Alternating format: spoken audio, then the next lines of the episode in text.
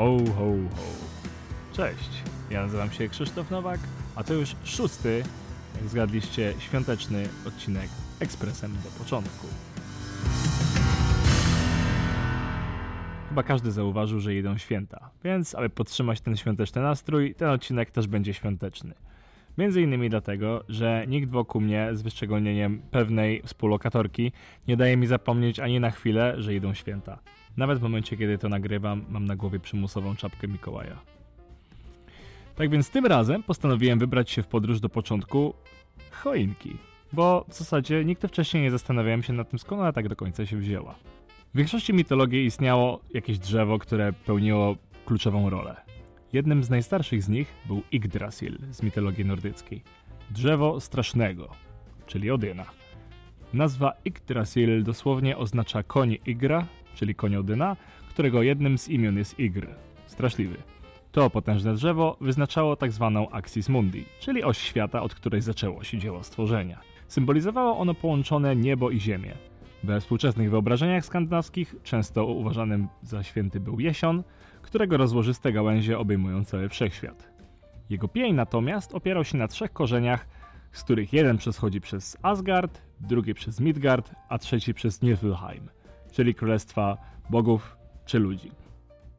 Okej, okay, ale kto jako pierwszy wymyślił sobie, żeby przyozdabiać drzewka? Starożytni Rzymianie, najwyraźniej chcąc, aby Demeter, Bóg rodzaju, został udobruchany, ozdabiali bluszczem i laurem drzewa liściaste. Ale choinki, czyli jodły, świerki czy sosny, to zasługa podobno dopiero XV-wiecznych niemieckich protestantów. Marcin Luther zachęcał, aby święta zostały spędzane w domowym zaciszu. Już w XV i XVI wieku podczas kazań kościelnych mówiło się o ubieraniu choinki. Były to drzewka iglaste, przyozdabiane naturalnymi ozdobami, ciastkami, orzechami i jabłkami. Jabłka przypominały o grzechu pierworodnym, ale były też symbolem płodności. Świeczki były związane z kultem zmarłych, bo początkowo świece zapalano właśnie dla nich. No i w zależności od regionu na choinkach wieszano odmienne ozdoby. Pierwotnie miało to miejsce tylko w domach bogatych, z czasem oczywiście również u uboższych. A kościół katolicki? No oczywiście, jak zwykle krytykował te obrzędy, standardowo nazywając je pogańskimi. Znane są dwie główne historie, skąd w ogóle wziął się pomysł na przeozdabianie drzewka. Pierwszy to góralska legenda. Głosi, że niedźwiedź podarował narodzonemu Jezuskowi małą jodełkę.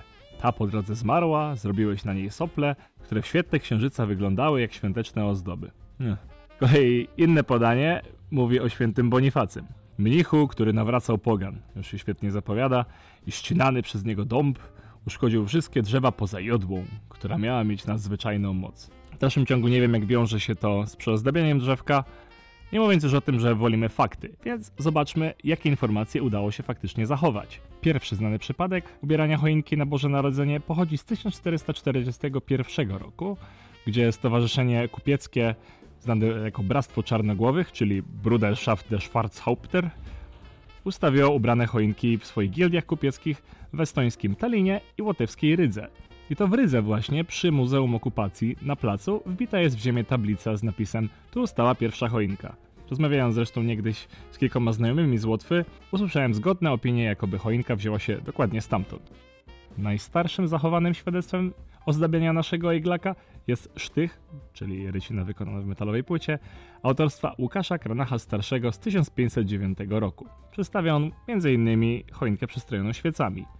Podobno bożonarodzeniowe drzewko miało obrazować rajskie drzewo życia. Tak więc szukanie odpowiedzi w mitologiach innych niż chrześcijańska, jak widzicie, nie wzięło się znikąd. Tak czy inaczej. Zwyczaj ubierania choinki, dopiero zwykle w dzień Wigilii, rozpowszechnił się w Europie bardzo szybko.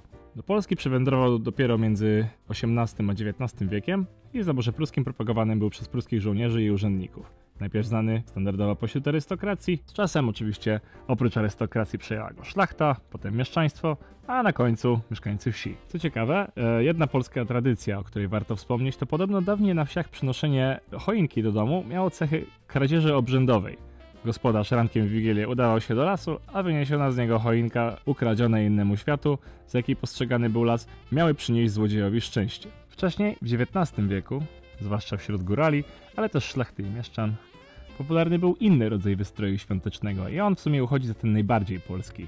A mowa o podłaźniczce, która była znana też jako podłaźnik, sad czy jutka był to wierzchołek iglastego drzewka, zawieszany zwykle szczytem w dół i przyozdobiony orzechami, jabłkami, ciasteczkami, a na nim zapalano świeczki. Stroiły go głównie dziewczęta, a drzewko wisiało na sznurze przymocowane w taki sposób, że można było je podnosić i opuszczać. Ułatwiało to zdejmowanie z niego słodyczy. Na drzewku były rodzynki, migdały czy też pierniki, a wszystkie smakołyki specjalnie wieszano na świeczkami w taki sposób, żeby płomień mógł przepalić nitkę, aby same spadły.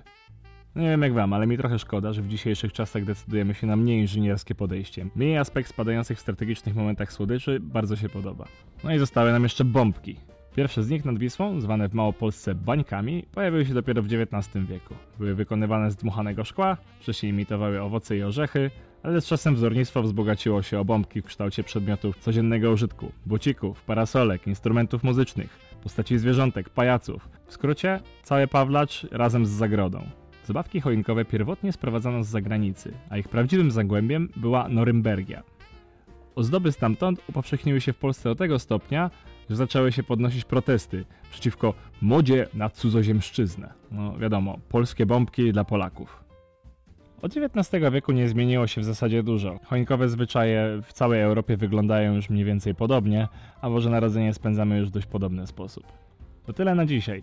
Za tydzień mamy dla Was specjalny świąteczny odcinek, o którym dowiecie się więcej w dniu emisji. Dodatkowo w styczniu wrócą zwykłe odcinki, ale mamy pomysł na coś troszeczkę innego niż zwykle i prawdopodobnie miesiąc ten będzie odrobinę tematyczny. Na dzisiaj to wszystko z mojej strony. Wesołych świąt i do usłyszenia.